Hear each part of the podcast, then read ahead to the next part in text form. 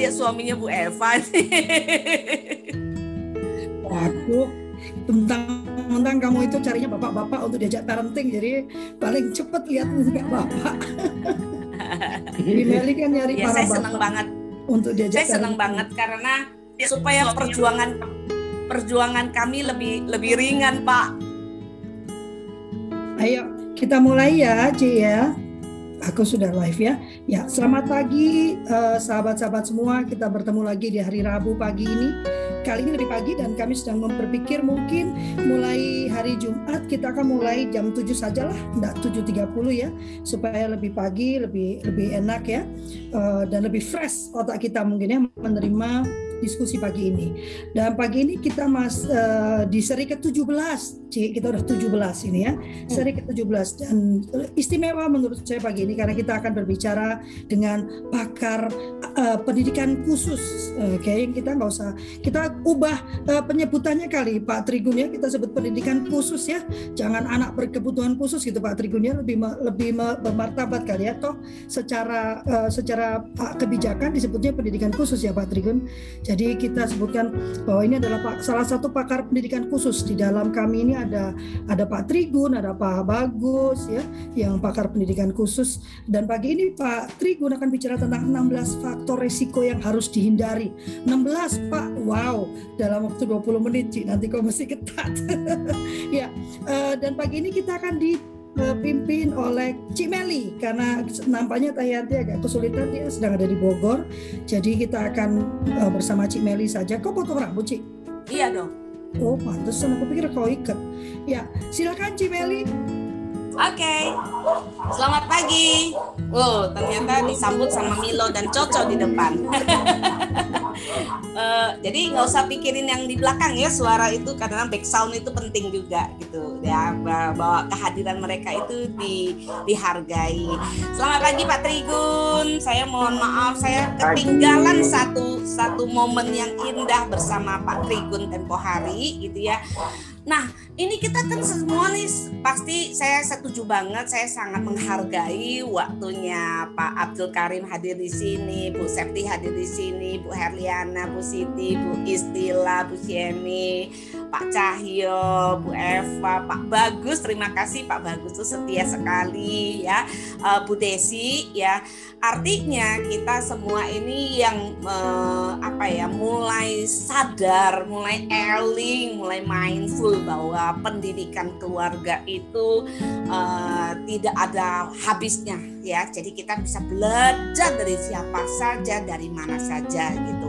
Nah, senangnya eh, pikiran-pikiran saya sama Lovely sama Bu Yanti, saya bilang kenapa kita nggak kumpulin aja semua orang punya cara di dalam pola pengasuhan yang mungkin menjadi pembelajaran buat kita semua gitu. Jadi apa yang ada di tempatnya Pak Bagus yang bagus gitu ya, jadi bisa diadopsi oleh Pak Trigun.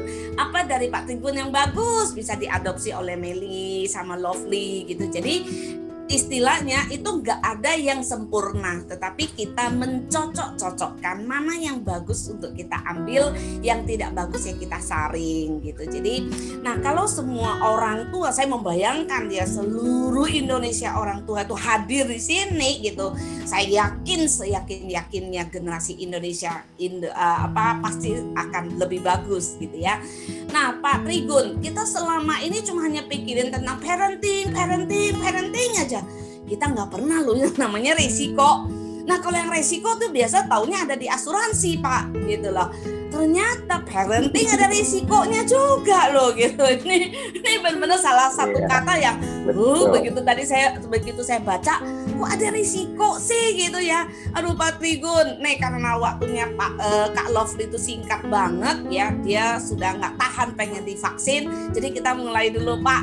Waktunya kebayang ya 20 menit 16 risiko harus sampai ya. Jadi satu menit satu satu Baik. risiko. Oke, terima kasih banyak Pak Trigun silakan. Oke, eh, selamat pagi buat ayah bunda semuanya. Assalamualaikum warahmatullahi wabarakatuh.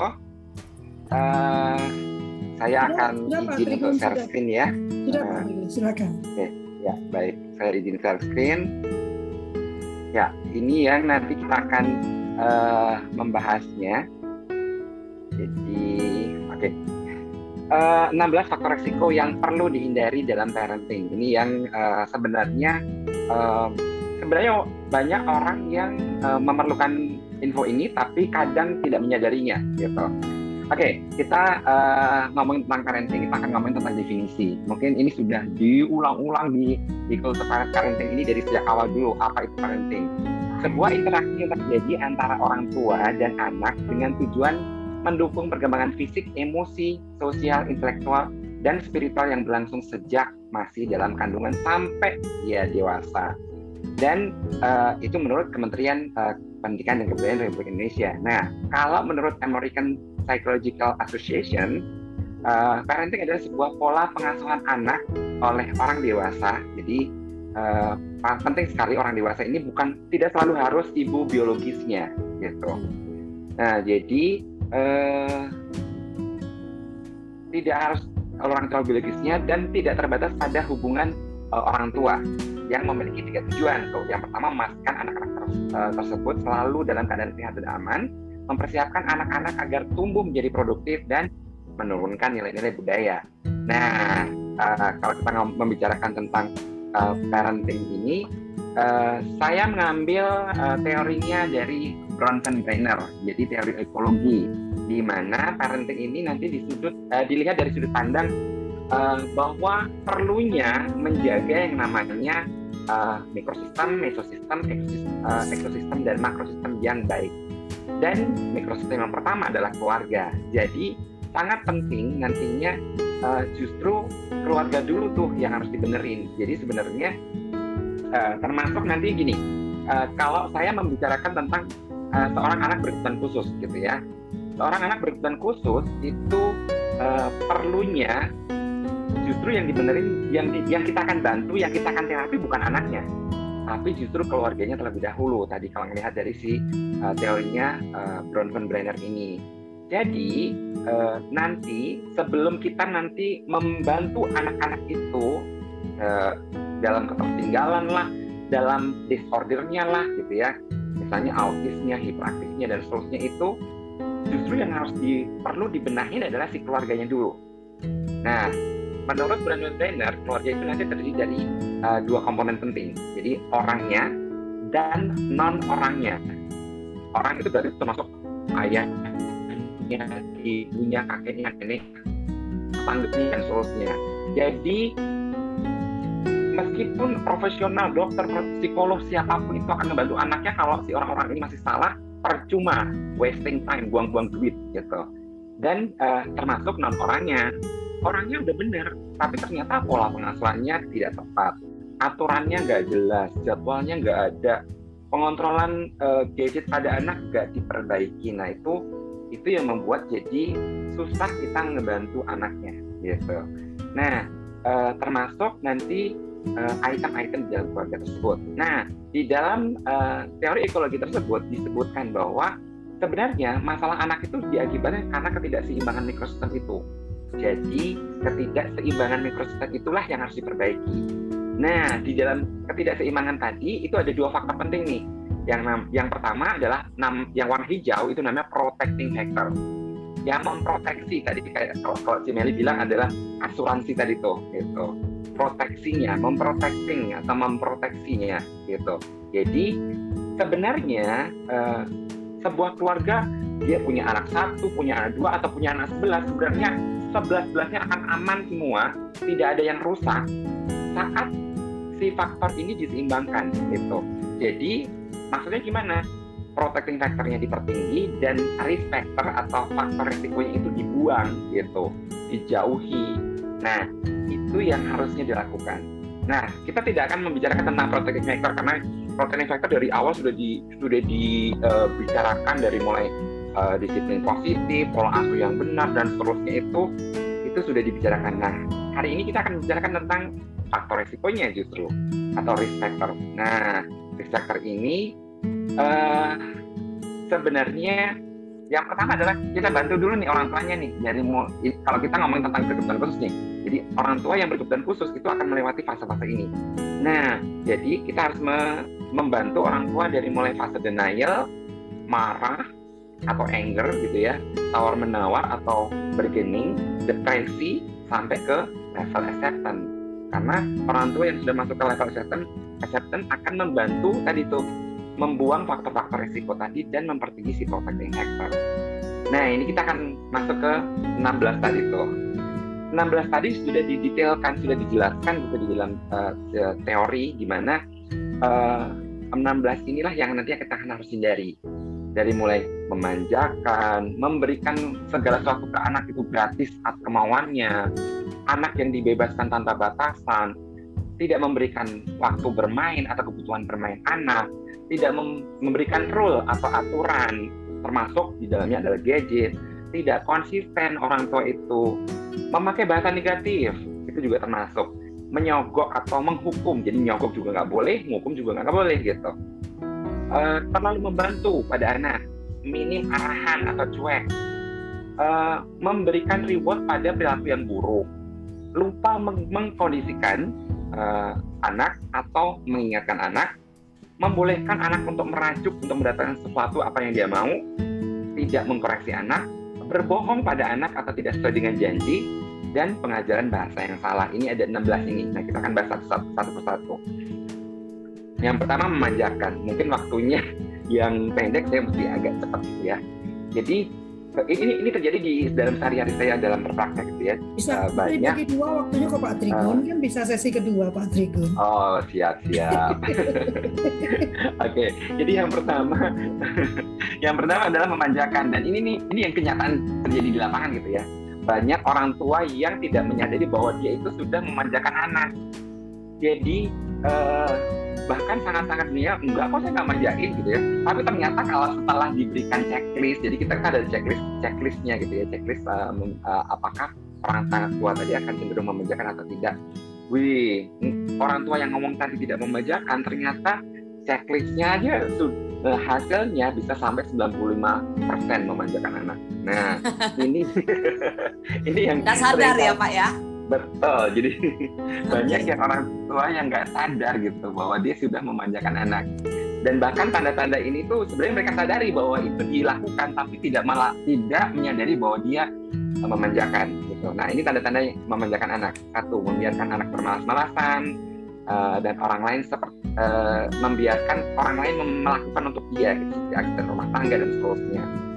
Membiarkan anak karena melakukan kesalahan dan orang tua yang bertanggung jawab atas kesalahan itu. Jadi sering kali ini yang terjadi nih, gitu. Dan bahkan banyak orang tua yang sudah jelas anaknya itu ABK, gitu ya.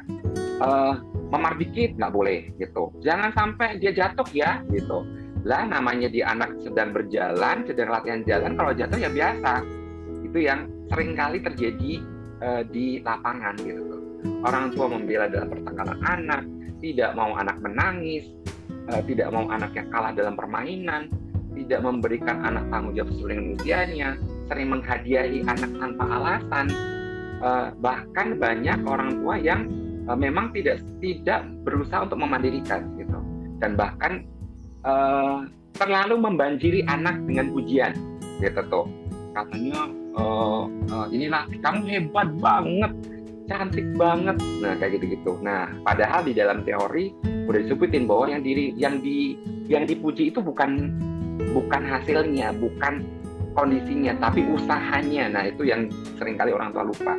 Prosesnya ya nah, pak ya? Itu betul prosesnya bukan hasilnya. Nah ini orang tua yang dan ini nih memanjakan ini ber, ber, berkaitan besar dengan uh, orang tua itu cenderung nggak bisa bedain tuh antara kasihan sama kasih sayang. Nah, jadi uh, ini yang menjadi dampak panjang gitu bahwa kalau kasihan itu kan memberikan semua kemauan anak. Kalau kasih sayang kan beda, memberikan semua kebutuhan anak. Dan sering kali ini yang nggak disadari nih, memanjakan ini nih, uh, kasih kasihan ini nih. Seringkali ibu itu sering kali sini sini ibu pakai sepatunya gitu. Padahal sama-sama punya waktu sama-sama punya waktu gitu. Harusnya kan kasih sayang memakai mengajari memakai sepatu. Jadi ini hebat sayang ayo pakai sendiri uh, sepatunya. Ayo masukkan kaki kanannya dulu misalnya. Dengan verbal itu aja udah mulai um, menambah banyak hal di, di anak. Pemahaman tentang kaki kanan, oh memasukkan itu latihan kontrol koordinasi kayak gitu-gitu.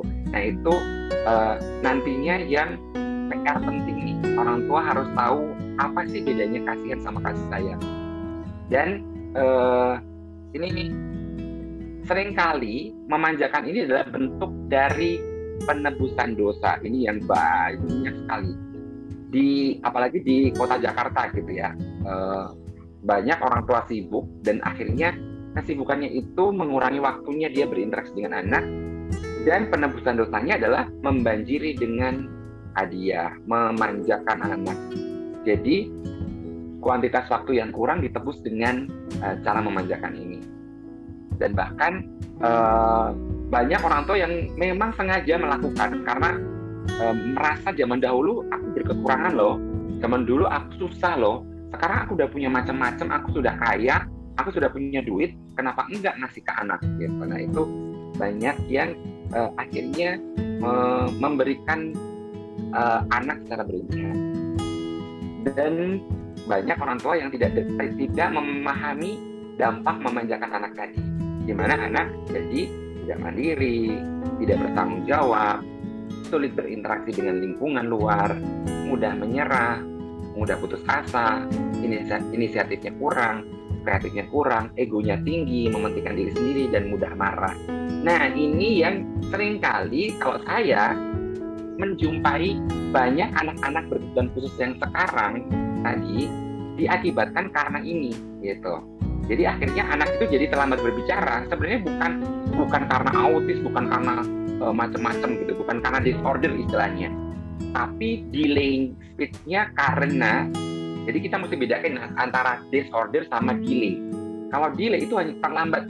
Jadi, nah keterlambatan dia berbicara diakibatkan karena dimanjakan ini yang dia belum uh, gimana bisa dia ngomong bu minta mama minta bunda minta kayak gitu gimana dia bisa ngomong bunda minta loh dia selalu dipenuhi gitu nah itu dan bahkan sering kali yang berkembang justru bahasa bahasa emosinya bahasa tantrumnya bahasa kemauannya gitu jadi banyak kasus-kasus anak terlambat berbicara diakibatkan karena ininya karena nomor satu ini.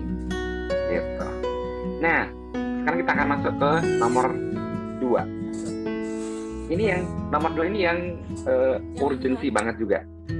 Seringkali banyak orang tua memberikan sesuatu ke anak itu dengan gratis tanpa meminta. Bahkan ini yang terjadi sering sering kali terjadi. Jadi anak itu jadi terlambat berbicara diakibatkan karena komponen untuk belajar berbicara itu kurang. Komponen itu nanti ada sembilan kalau kita bicarakan tentang seorang anak itu um, harus mempunyai sembilan komponen untuk berbicara.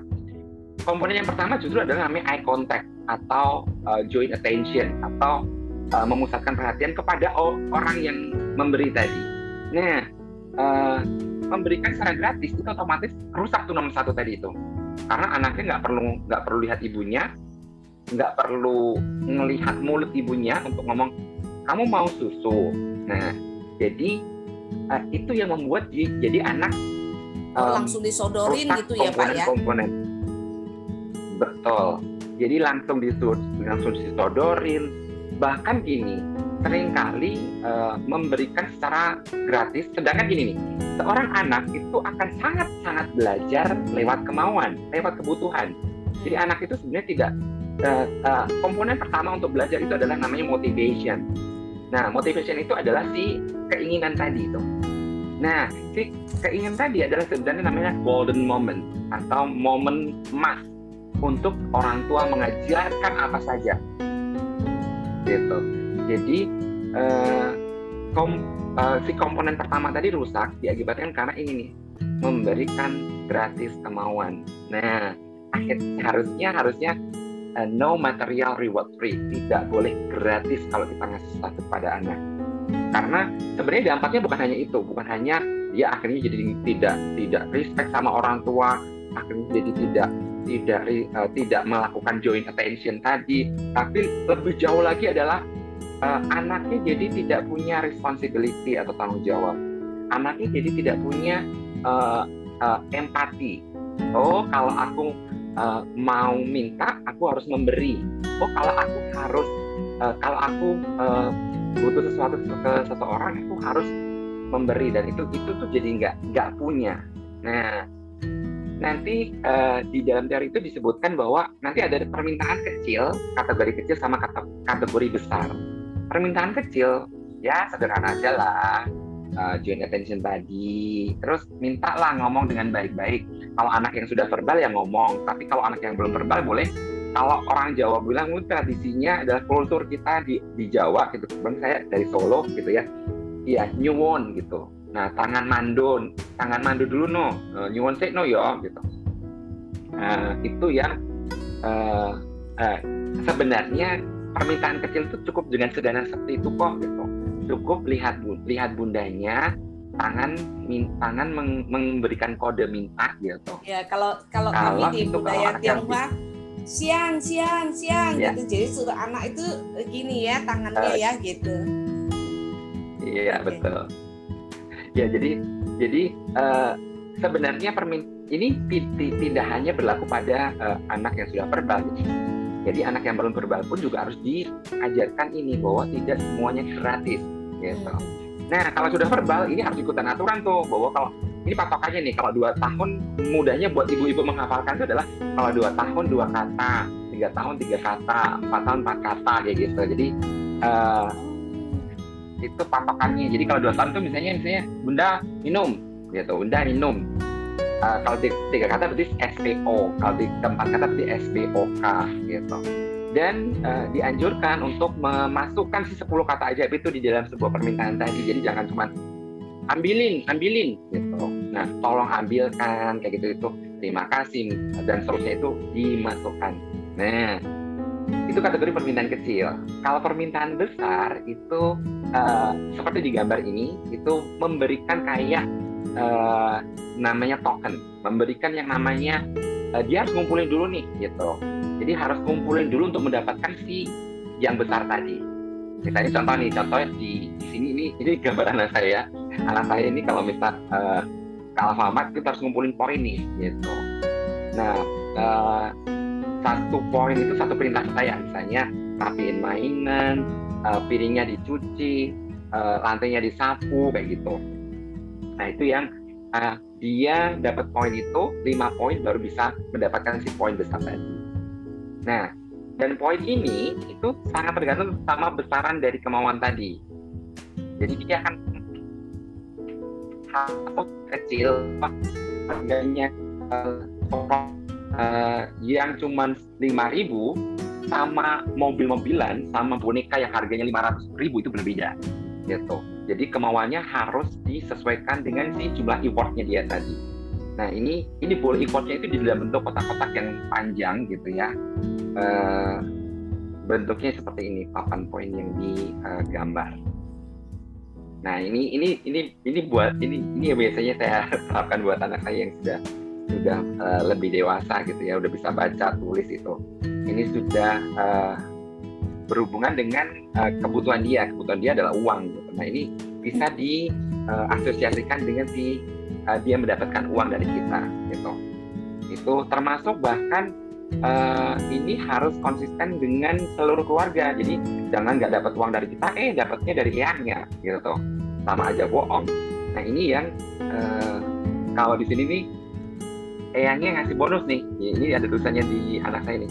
Ambil penuh bonus dari 50 ribu dari Yangmi. Yangmi itu neneknya. Nah itu hal-hal yang kayak gitu yang sebenarnya perlu kekompakan seluruh keluarga untuk melakukan beberapa uh, tadi itu protein factor yang harus dilakukan dan risk factor ini risk factor atau faktor risiko ini yang harus dibuang uh, uh, gitu. Nah yang ketiga adalah tadi anak itu dibebaskan tanpa batasan. Ini yang sering terjadi. Dan bahkan banyak nih para orang tua yang salah mempersepsikan dengan freedom. Misalnya contoh deh, banyak kan nanti nanti uh, adopsi dari film ini banyak banget nih. Di Montessori ada freedom. Nih di Montessori juga ada ada freedom di di disiplin positif juga ada freedom gitu. Nah, tapi sering kali banyak orang tua yang uh, banyak orang tua yang dia itu kalau kalau uh, ngebaca itu sepotong-sepotong. Jadi akhirnya anaknya itu dibebaskan tanpa batasan. padahal jangan takut menetapkan batasan karena anak-anak itu membutuhkan batasan kok agar tumbuh bahagia dan sehat. Ya. Gak usah jauh-jauh, kita aja misalnya gitu ya orang dewasa, kita kerja di sebuah perusahaan, kalau batasannya nggak jelas, kita sendiri gondok gitu. Tuh, kalau batasannya jelas, misalnya hari Sabtu akan masuk jika ada titik-titik-titik, misalnya gitu, ada bos, ada kunjungan uh, direktur pusat, misalnya gitu. Itu kan jelas, jadi batasan itu yang membuat kita bahagia jadinya. Masuk hari Sabtu pun kita senang gitu. Nah ini yang uh, sering kali tidak diadopsi oleh orang tua ke anaknya dan tadi sering kali orang tua banyak mengadopsi uh, teori-teori yang sepotong-sepotong tadi gitu.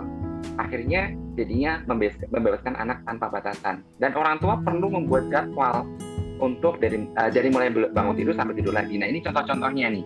Ini bagi anak-anak yang belum bisa baca. Jadi kalau di dalam teori itu gini, uh, kalau bayi sampai 2 tahun yang diberikan jadwal si pengasuhnya. Jadi misalnya mbaknya, misalnya atau ibunya gitu jam sekian mandiin adik, jam sekian jemur adik, jam sekian gitu. Tapi begitu dua tahun, jadi jadwal ini sudah harus mulai berlaku saat anak usia dua tahun. Dua tahun itu sudah mulai uh, role-nya itu sudah mulai terbentuk gitu. Nah ini dan ini harus harus harusnya divisualisasi ya banyak orang tua males nggak mau bikin ini gitu jadi ini harus tervisualisasi, harus ditempel di tembok, harus sepakat sama anak bahwa jam segini bangunnya loh, jam segini mandinya loh, gitu. Ini bagi anak yang belum bisa baca, ini contoh bagi anak yang sudah bisa baca. Dan ini uh, kalau sudah bisa baca, cenderung yang membuat anaknya.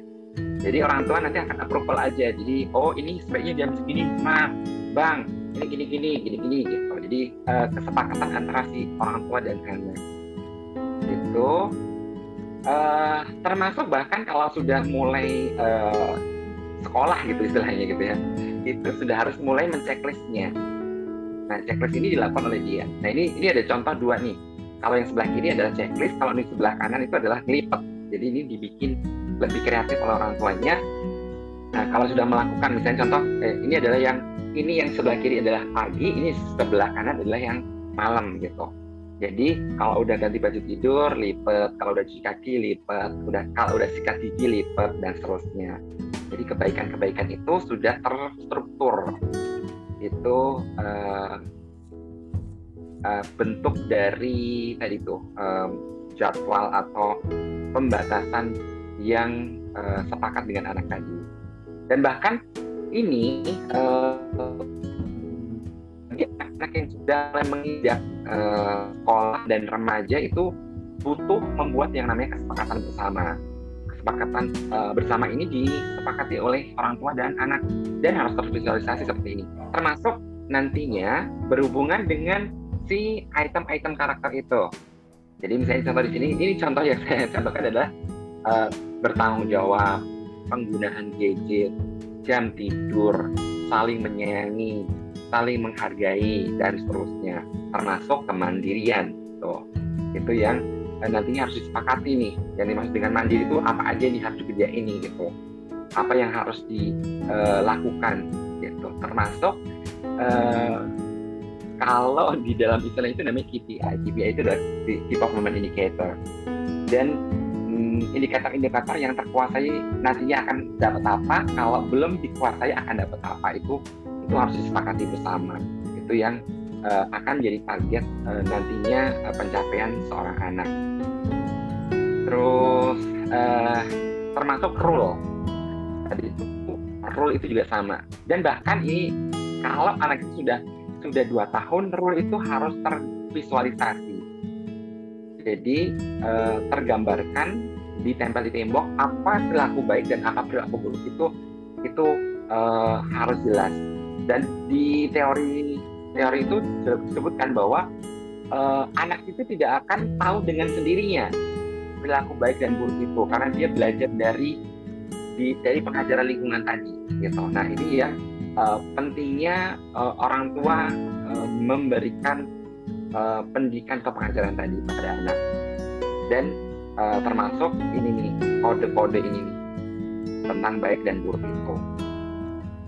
Itu yang uh, yang bisa saya sampaikan mungkin itu dulu nanti berarti kita, tidak sampai kita 16 ya Pak Gun betul benar iya, jadi tapi, sesuai tapi dengan 16 dengan, ini sudah saya pampang nah. kayak, kayak angkot larinya iya tapi seru banget ya iya nanti saya Tenang Pak, tenang. Kita senang memperpanjang ya. Berarti masih ada minggu-minggu-minggu yang yang lain lagi sama Pak Gun ya. Oke, uh, terima kasih banyak ya Pak Gun. Walaupun kita baru sampai tiga ya Pak.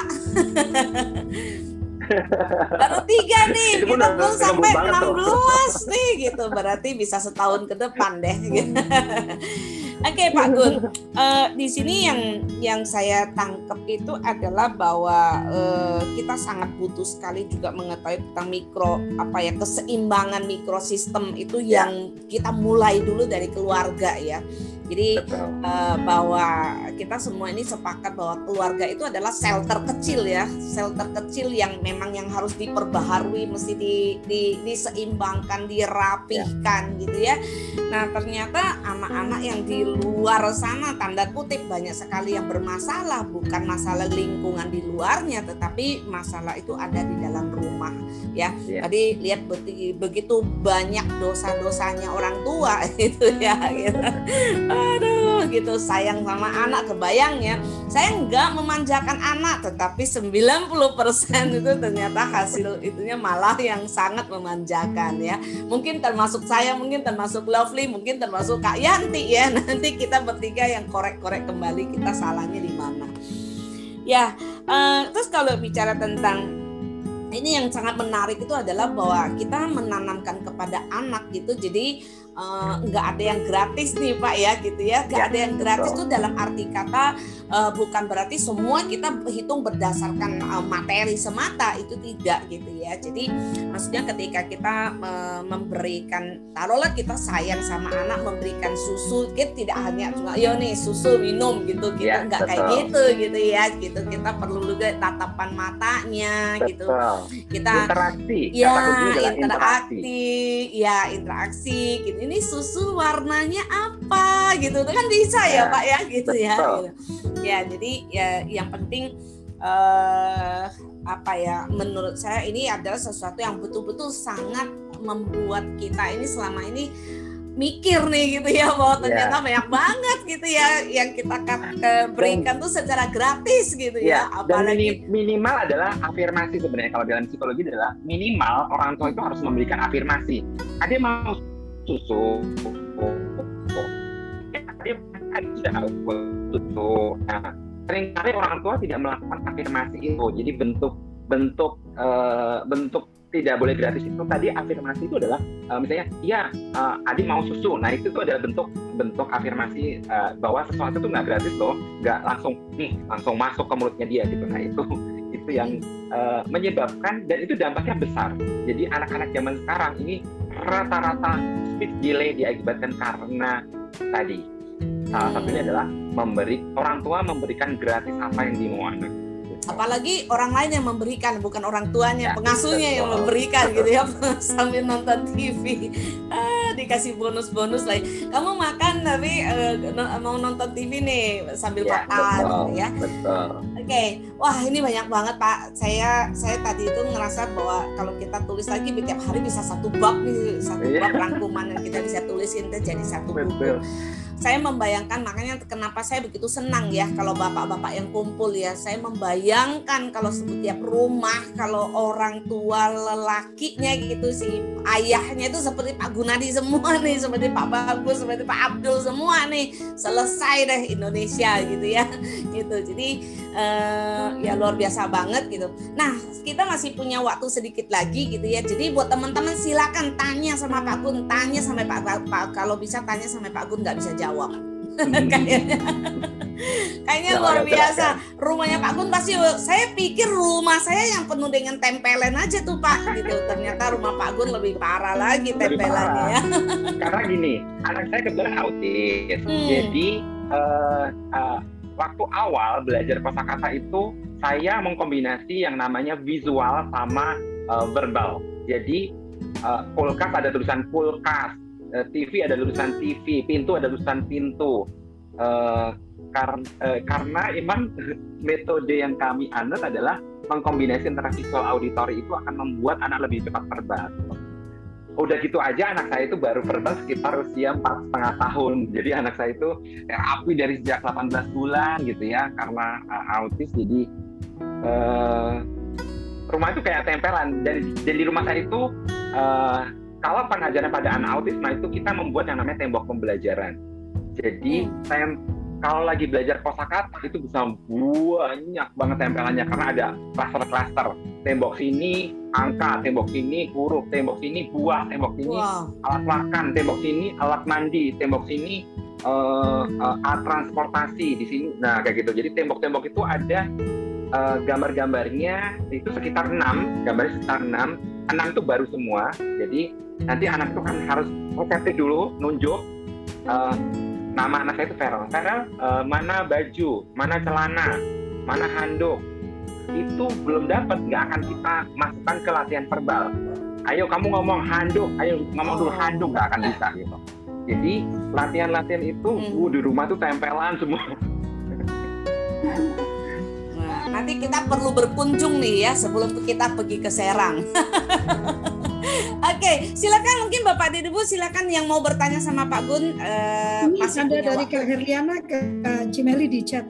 Oke, okay, dari Kak Herliana. Oke okay, Pak, bagaimana sih awal memulai membuat tempelan itu ya Pak gitu? Yang simple dulu untuk anak tiga setengah tahun perempuan ADHD. Oke, okay, jadi yang pertama uh, anak itu harus tahu antara gambar dan real benda. Jadi uh, so, kita akan kita akan gini nih. Misalnya contoh ini ini kelihatan kan ini cangkir gitu ya ini cangkir. Nah di sini ada tulisan cangkir gitu. Jadi dia akan lihat itu pintu ada tulisan pintu. Ada gambar pintu. Jadi nanti jadi di pintu itu ada gambar lagi tuh bu. Jadi the, kertasnya itu segini. Kertasnya itu se seukuran uh, postcard gitu ya.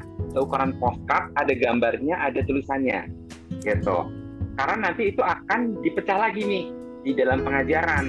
Nah, gambarnya aja sama tulisannya aja gitu. Nah pada fase awalnya itu fase yang pertama yang nanti ibu akan lakukan eh, benda-benda uh, yang dia butuhkan benda-benda yang ada di sekitar benda-benda seperti uh, kalau makan berarti butuh piring sendok kayak gitu uh, kalau um, sekitar berarti ada pintu, ada kursi, ada sofa, gitu. Kulkas dan demi akan buka tutup. Nah, anak apalagi anak adik-adik gitu ya. Anak adik-adik itu uh, banyak sekali melakukan gerakan-gerakan yang nantinya untuk menstimulus tubuhnya untuk bergerak gitu. Termasuk salah satunya itu favoritnya anak adik-adik adalah buka tutup kulkas. gitu, buka tutup pintu, buka tutup kulkas gitu Nah, itu Jadi yang Jadi tempel-tempelan uh, tuh ada di kulkas aja lebih bagus ya. Iya, betul. Jadi uh, tempelan tempelan si gambar kulkas sama tulisan kulkas itu ada di ada di pintu kulkasnya tadi, gitu. Dan itu uh, akan menjadi motivasi pertama untuk otaknya dia untuk mengingat itu ya akan jadi kosakata bagi anak itu gitu. Jadi kosakatanya jangan macam-macam yang jauh-jauh dari dari kebutuhan anak gitu. Hmm. jadi mulailah dengan uh, kebutuhan anak itu yang justru akan lebih munculnya lebih mudah hmm. muncul untuk verbalnya gitu. Dari situ nanti nah dan dimulai dengan reseptif tidak boleh langsung ekspresif kita tidak boleh minta ini kulkas ya D kulkas ayo apa kulkas gitu nggak boleh. Tapi mulai dulu mana kulkas uh, Nah, kayak mau mandi, lang ya lah kebutuhan di, di jembreng itu di, di meja gitu ya. Ayo kita mau mandi deh, ayo coba ambil handuk. Nah, itu ambil handuk tadi penting. Dan ingat, kita sebagai orang tua tidak boleh nunjuk. Kalau nunjuk sama aja bohong karena itu mematikan otak bagian otak untuk bicara. Gratis lagi bagian otak ya. untuk mengingat. Jadi okay gratis lagi jadinya gitu.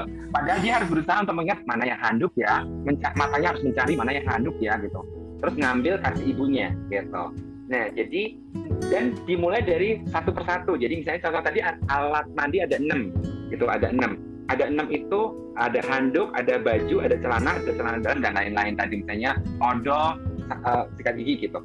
Nah, handuk aja. Kalau handuk itu belum bisa ya jangan geser ke baju dan seterusnya, kayak gitu. Oh, Jadi nggak apa-apa ya kalau satu hari cuma bisa ngambil satu macam aja nggak apa-apa ya, gitu ya? ya karena belajar itu cuma harus cuma satu memang, tidak boleh terpecah belah, tidak boleh hmm. fokusnya banyak. Jadi hmm. hanya fokus pada satu item, gitu. Hmm. Dan simple, nggak okay. usah banyak-banyak. Uh, kata-kata yang kita ucapkan belum belum masuk ke fungsi gitu. Ini tahu nggak handuk itu untuk mengeringkan badan selama setelah habis mandi. Nah itu itu justru malah menambah menambah stres. Jadi cukup simpel gitu. Oke, okay. ya. Pak Gun, kita mesti lanjut lagi nih ada banyak pertanyaan nih ya. Ini ada ya, pertanyaan dari Pak Muhammad Cahyo. Ya, ya, Pak, sebenarnya anak usia 3 tahun itu diperbolehkan main gadget tidak? dengan mempertimbangkan waktu dan ada aturannya juga kira-kira boleh berapa lama gitu. Oke, sekarang kita akan masuk tentang gadget nih. Saya akan share screen nih biar uh, biar Bapak lebih paham. Oke, kita akan masuk ke penggunaan gadget atau screen time kita sebutnya gitu ya. Jadi ingat, kalau uh, sudah aturan baku, sudah aturan baku kalau anak itu uh, usianya 0 sampai 2 tahun tidak boleh punya aja nggak boleh gitu. Nggak boleh punya TV nggak boleh uh, anak itu pegang handphone di 0 sampai 2 tahun. Jadi benar-benar 0 sampai 2 tahun itu tidak boleh ada interaksi dengan gadget. Jangan salahkan dia akan terjadi yang namanya ketumpulan kemampuan sosial jadi bondingnya justru malah bonding ke TV dan ke gadget saat 0 sampai 2 tahun diberikan jadi uh, eh, 0 sampai 2 tahun wajib tidak boleh ada interaksi anak dengan TV dan gadget. Ini tiga tahun tak? Ada, ya, kita ngomongin tentang dua tahun dulu nih. Oh, nah, okay. sekarang kita akan ngomong, eh, kita akan ngomongin tentang si tiga tahun tadi. Nah, ini uh, ini adalah patokannya. 0 sampai 2 oh, tahun tadi tidak okay. boleh. Nah, 3 sampai 5 hmm. itu ada itu batasan penggunaannya satu jam per hari dan mas hmm. dan masih dengan uh, konten yang diseleksi oleh orang tua. Jadi dan didampingi gitu. Jadi misalnya contoh nonton Ipin Upin nih. Nonton Ipin Upin usia tiga tahun ada nyolong mangga, ada melolotin celana, nah kayak gitu tuh. Nah orang tuanya harus memberikan panduan. Adik tuh itu melototin celana itu tidak baik, jadi benar-benar kayak gitu. Jadi masih didampingi gitu dan 6 sampai 18 tahun itu maksimal 2 jam per hari gitu jadi uh, ini yang harus dipegang sama orang tua bahwa uh, satu jam tadi pun itu harus didampingi dan harus diberikan panduan. Okay. Bahkan seleksi kontennya tadi tuh, konten gamenya, konten mainannya, konten TV-nya tadi harus benar-benar okay. diseleksi dan jangan dipikir misalnya contoh itu itu tontonan buat anak-anak misalnya ibu Nubin itu buat anak-anak gitu tapi apakah semuanya baik enggak oke okay. gitu. jadi kita harus menyeleksi konten-konten tadi siap satu lagi pak ya, gitu. satu lagi nih kayaknya di masih pertanyaan ya. terakhir nih uh, dari ibu Siti Nur Aini gitu ya, ya Pak Tri Uh, saya mau bertanya, ya. kebetulan saya punya anak didik sekarang usianya sudah 5 sampai 6 tahun dan termasuk autis. Dan orang tuanya itu hmm. super sibuk, anak hanya diserahkan ke babysitter atau guru. Bagaimana cara guru mengajar anak tersebut apalagi di era pandemi di mana semua pengajaran secara daring. Terima kasih hmm. atas pencerahannya, Pak. Oke, baik. Uh, kalau kita memberikan uh, pengajaran secara daring, jadi sebenarnya gini, pada anak berkebutuhan khusus, justru daring itu hanya sebagai sarana komunikasi. Jadi pelaksanaannya nanti itu adalah si uh, pengasuhnya atau pendampingnya tadi. Jadi sebenarnya perlu mengajar me, mengajarkan si si si pengasuhnya, pengas, ya? pengasuhnya dulu. Ya, pengasuhnya itu di di kalau misalnya di sekolah itu ada eh, uh, 24 anak ya sebenarnya yang akan mendampingi itu akan di, di, di training dulu tuh, dilatihkan dengan Zoom meeting dulu gitu ya. Jadi memberikan guideline guideline gitu. Jadi guideline-nya harus disiapkan dulu oleh si uh, sekolah gitu untuk mengajarkan mengajarkan cara mendampingi anak belajar uh, terutama anak berkebutuhan khusus gitu ya.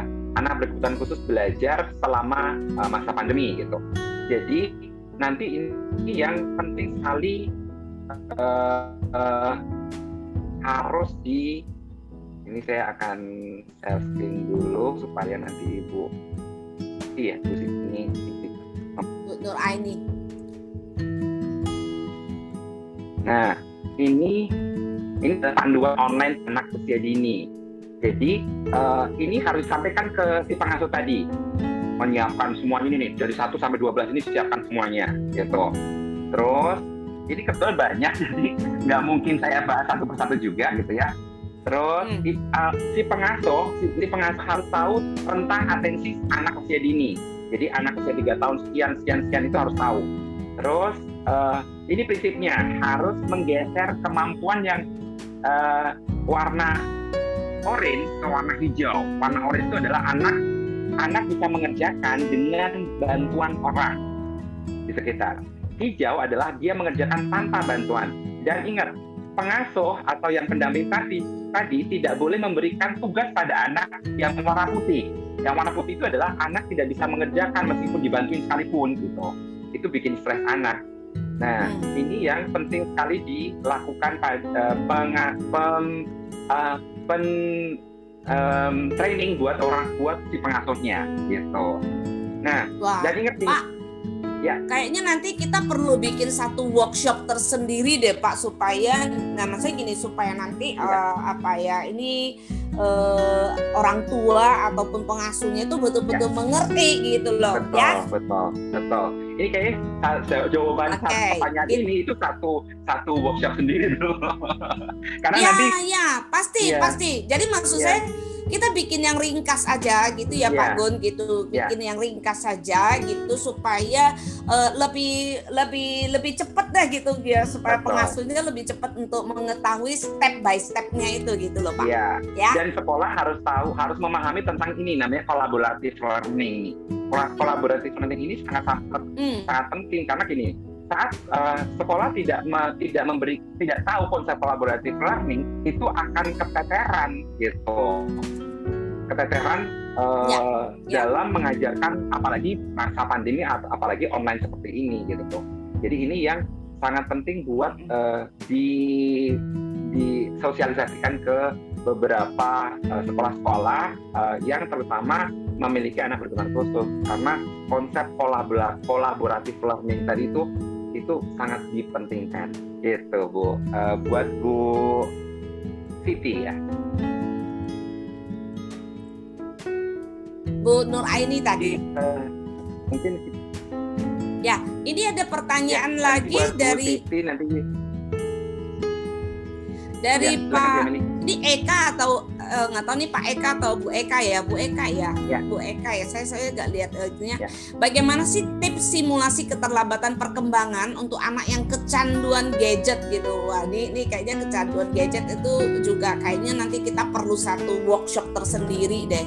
Ya, ya Lovely? Coba tulisinnya Lovely. Kita mau bikinnya apa aja? Supaya gini maksud saya gini uh, apa yang kita dapatkan sekarang ini ini pembuka aja gitu ya. Mindset kita terbuka bahwa oh kalau anak-anak misalnya eh, ketergantungan terhadap gadget ada lus eh, cara untuk kita mengurangi gitu. Kita nggak yeah. usah bicara kita betul. menghapuskan ketergantungan itu gitu ya. Yeah, tapi kita bicara yang lebih lebih real lah gitu bahwa kita bisa mengurangi ketergantungan gadget tetapi how to-nya nah harus ada step-stepnya gitu. Dan kita akan sulit sekali untuk jawab di, di, di kesempatan ini kali ya Pak Gun ya. Iya betul Jadi memang. Oke, okay. uh, nah ini Ya, Oke, ini ada Sri Wulandari gitu ya Pak. Anak saya sudah lima tahun lebih, dia belum lancar berbicara. Jadi berarti speed delay itu tadi ya Pak ya. E, masih belum jelas pengucapan setiap kosakata. Padahal terapi bicara sudah saya terapkan di rumah. Bagaimana tips dan triknya gitu. Nah saya rasa mungkin tadi yang Pak Gun tempel-tempel di tembok itu ah, mungkin bisa menjadi betul. solusi buat uh, Ibu Sri ya. Ya terutama gini okay. mateng. Jadi gini uh, terapi bicara yang tidak punya pola tidak punya kurikulum tidak punya tahapan-tahapan itu malah bikin anak runyam gitu. Terutama anaknya langsung distimulasinya di jadi gini di bagian area untuk bicara pada anak pada manusia itu ada tiga. Namanya posterior ling- posterior language area, awareness area sama broca area. Mungkin sih dan gini bukan mungkin lagi banyak orang itu salah yang distimulus area broca, area untuk produksinya gitu, untuk produksinya. Sedangkan area di awareness-nya itu belum belum matang. Awareness itu untuk reseptif, untuk pemahaman. Jadi gini, nggak boleh nga- ngajarin ngomong warna merah, kuning, hijau, biru saat anaknya belum bisa ngambil. Jadi taruh warna di depan anak. Ayo coba Bunda minta warna merah, Bunda minta warna kuning, Bunda minta warna hijau. Ini aja nggak bisa ya jangan ngajarin broka gitu loh. Seringkali yang salah adalah orang tuanya maksa untuk broka gitu. Anaknya stres, ibunya stres, semuanya stres gitu. Ayo dong nak, kamu bilang dulu minta, minta, minta, minta gitu. Eh, Bunda nggak kasih loh kalau kamu nggak bilang minta. Nah, itu yang sering terjadi. Orang tua salah mengajarkan dan tadi menyebutnya terapi bicara padahal itu mah bukan terapi bicara gitu. Itu eh, ngajarin ngomong ya amburadul gitu. terapi Oke. bicara itu ber Eh, Terima kasih sensorinya banyak, Pak Gun. Kayak gitu. Terima Itu kasih banyak Pak. Gun. Rasanya kita masih mau perpanjang satu jam lagi gitu ya Pak Gun ya Sama-sama. gitu. Ya nanti kita akan atur lagi schedule-nya Pak Gun. Nah sebagai closingnya nih, closing statement ini Pak Gun ini buat Ya, kita baik, kita baik. nih sebagai orang tua yang betul-betul haus Ya. akan pembelajaran-pembelajaran dari Pak Gun yang sangat luar biasa ini ya. Saya lihat ini kan bukan hanya kepada anak yang berkebutuhan khusus aja, justru sayang banyak banget anak-anak yang tanda kutip Ya. reguler yang dianggap normal itu malah dikesampingkan nih karena ketidakpengetahuan orang tua. Di sini jadi bukan sekali lagi bukan orang tua itu tidak mau tahu tetapi uh, saya lebih melihat bahwa banyak sekali orang tua yang tidak tahu how to-nya gitu loh. Jadi saya pribadi mendapatkan juga betul. banyak sekali pembelajaran ya Pak Gun termasuk eh, tadi misalnya ada sistem stickering karena ya jujur karena saya kan tidak belajar di bidang ini gitu ya tapi saya hanya pakai naluri keibuan saya aja. Saya bikinin tuh anak saya nanti eh, kalau dia mau dapat mainan gitu jadi dia mesti eh, lakukan apa aja gitu. Dia sistem dapat stiker kalau dia dapat 5 stiker minggu pertama dia baru boleh beli mainan. Kalau stiker yang ke minggu kedua dia dapat stiker dia boleh beli buku bacaan kayak gitu ya. Jadi hal-hal seperti ini yang saya lakukan gitu. Jadi eh, ternyata banyak banget nih gitu. Eh, andaikan saya dulu kenal sama Pak Gun lebih lebih dulu lagi gitu mungkin akan akan lebih banyak lagi yang bisa saya lakukan lagi. Oke silakan Pak Trigun eh, statement terakhirnya kepada kami. Oke, ya baik. Eh, keluarga Indonesia gitu ya, bukan hanya yang mempunyai anak kecil saja gitu. Ya, terutama untuk anak yang usia dini gitu. Jangan pernah lewatkan usia emas, itu penting. Usia emas pertama adalah seribu hari pertama itu yang eh, 0 sampai 2 tahun. Nah, usia emas kedua 2 sampai 6. Nah, di usia-usia ini adalah usia yang terbaik sekali. Jadi justru harus milih sekolah yang terbaik. Ingat, sekolahnya untuk anak usia 2 ta- eh, 0 sampai 2 tahun adalah rumah. Jadi jadikan rumah tempat terbaik mereka untuk belajar. Dan tadi keluarga harus membenahi dulu. Jadi nggak usah mikirin eh, nyalahin orang. Ini karena eh, karena neneknya gitu dulu begini, ini ini ini. Ya, ah, ini karena sekolahnya begini. Lah rumahnya masih berantakan kok gitu. Jadi benahin rumah tadi sudah ada di nanti kalau masih bingung putar lagi nih YouTube gitu ya. Ada namanya faktor protecting, ada namanya faktor resiko. Nah, kata kuncinya cuma sederhana, buang faktor resiko tertinggi protecting factor. Nah, keseimbangan itu penting, keseimbangan ekosistem tadi kunci keberhasilan anak di masa depan. Gitu. Oke, terima kasih banyak Pak Gun. Tetap semangat mendampingi kami dan kalau perlu Ya. ayo ajak semakin banyak ya, semakin banyak bapak-bapak untuk terlibat karena saya selalu yakin bahwa parenting ini kuncinya tuh ada di bapak-bapak ya. Jadi terima kasih banyak Pak Trigun. Eh, saya senang sekali ya mendapatkan banyak ilmu. Saya yakin banget semua ibu-ibu ataupun bapak-bapak yang hadir di sini juga sama ya sepakat bahwa apa yang yang disampaikan oleh Pak Trigun itu adalah sesuatu yang sangat sederhana sekali dan itu dimulai di dalam mikro sistem terkecil yaitu di dalam keluarga. Terima kasih banyak Pak Trigun. Saya saya, saya kasih kepada Lovely untuk wrapping semua dan kita tutup ya. Terima kasih. Terima kasih Ci Yan, Ci Meli. Mohon maaf ya karena lo harus pergi jam 8.15 jadinya kayak semua orang terburu-buru. Pak Trigun itu sesi yang luar biasa. Uh, seperti biasa saya mah kalau Pak Trigun yang ngomong selalu, selalu melongo-melongo terkagum-kagum. Cuman sayang waktu Pak Trigun itu sangat padat ya. Jadi kalau minta waktu beliau ini emang luar biasa. Saya sudah uh, kirim beberapa chatting uh, secara, secara japri Pak Trigun nanti mohon dibaca dan dijawab ya. Saya sangat sepakat ya teman-teman uh, masalah yang saya hadapi sekarang sebetulnya bertemu orang tua adalah uh, keengganan orang tua untuk mengeksersas otoritasnya. Jadi waktu disampaikan bahwa orang tua itu harus menghormati keinginan anak, membuat anak bahagia, membuat anak nyaman, itu mereka melupakan otoritas gitu kan. Otoritas itu bukan otoriter, tapi seperti Pak Trigun tadi sampaikan, anak juga tetap membutuhkan batasan karena pada batasan itulah dia merasa nyaman. Saya mau cerita sedikit, eh, kita kadang kalau melihat aturan aturan jalanan ya pusing kan, aduh ini nggak boleh belok kiri, ini harus ini kayak nggak apa pus dan kita berpikir aduh coba dimerdekakan aja mungkin enak.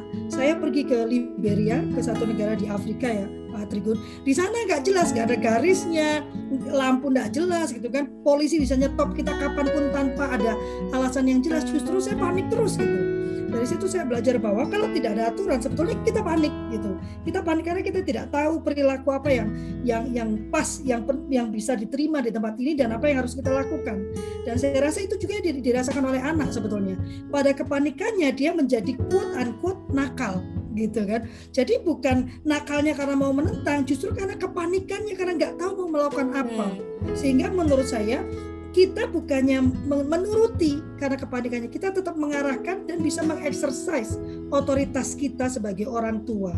Karena itu bentuknya berarti perlindungan pertanggungjawaban kita untuk melindungi anak dari kesalahan-kesalahan yang mungkin dilakukan. Saya sangat senang sekali Pak Trikun.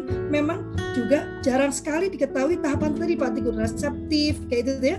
Kita tahunya kan kalau ngomong ya ngomong gitu. Padahal ada tahapan memahami dulu. Saya sering dibilang ibu anak saya nggak bisa ngomong. Uh, dia pokoknya nggak ngerti. Uh, tapi kalau dibilang gelas tahu nggak dia gelas tahu? Ya itu memang tahapannya begitu. Satu dua tahun tuh dia tahu dulu ini gelas belum mengucapkan. Gitu kan? Ini perlu kita lakukan pelatihan mungkin Pak Trigun ya.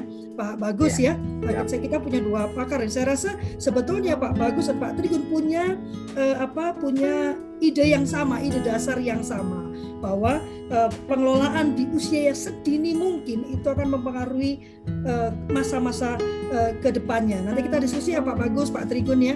Uh, kita satukan ide kita demi kepentingan terbaik anak Indonesia. Terima kasih banyak Bapak Ibu sekalian, ini luar biasa loh. Jam 7 pagi eh, sudah ada 30 orang. Oh, Pak Trigun ini memang pesonanya luar biasa rupanya ya. Nah, kita ketemu lagi hari Jumat jam 7 lagi.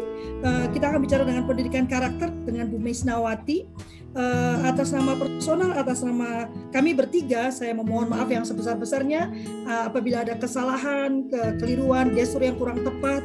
Kami tidak ingin menyinggung siapa pun, bukan ingin menggurui, tapi kami hanya ingin membagikan apa yang menjadi keyakinan kami dan yang terpenting apa yang kami lakukan setiap hari. Sampai ketemu lagi hari Jumat Pak Berikut. Terima kasih Pak Bagus, ada Pak Irwan tadi, uh, ada banyak teman baru ya. Sampai ketemu lagi hari Jumat. Mohon mohon maaf Pak saya harus sleep. Tuhan berkati. Salam sehat. Foto. Oh iya foto tuh kan. Hampir lupa. Bentar. Foto dulu ya Pak Triko jangan tutup dulu. Iya, maka maka. Teman-teman ayo buka semua. Sudah pada pergi semua. Nah, buka dulu Bu Is. Bu Is. Saya mesti lupa kalau urusan foto ini. Pak Bapak Muhammad apa ini? Pak Pak Bu Is, Pak Bu Eka, Bu Eva, Pak Berry, Pak Masri, apa kabar? Ya, Masri, Selalu senang dengan wajah Pak Masri. Pak Masri padang ya. Irwan. Ya, halo Pak Sukardi. Ya, saya dulu ya. Ini sudah pada lift semua sayang. Bu Chandra, terima kasih Bu Chandra. Senang. Oh, masih pakai daster ya, Bu. Memang. Pak bagus, terima kasih. Satu, dua, ya, sukses. Ya. ya. Halo, Kak Yanti. Ya, Kak Yantinya ada di YouTube dia karena dia tidak bisa mendengarkan. Oh, gitu. Iya, Iya. karena tidak bisa mendengarkan. Oke, terima Makasih, kasih Pak. Irwan. Sukses selalu. Senang Pak Tri, terima kasih. Baik. Terima kasih semuanya. Semuanya Selamat bermanfaat. pagi. Boleh Makasih ya, minta Pak Trigun. kontak ya Pak Tri? Siap. Silakan masuk ke ini Bu, ke apa ke ke Telegram. Telegram. Pak Pak Trigun ada di situ. Hai Oh, Mbak Bu gitu. Nurbaiti. Sukses Terima kasih banyak Bu Bu Endang. Bu Sijel. Ya, Hai. Ita. Ya, ada Ita, mau siapa Ita? Ya, hati-hati. Ada Lili Bu Halimah, terima kasih ya. Yo, Oke, Cimeli. kita tutup ya. ya. Selamat tervaksin-vaksin. Sukses. Terima kasih, Cimeli. Halo, Fi. Halo, Fi. Bye. Bye. Sampai ketemu hari Jumat. Bu Ya. Bang.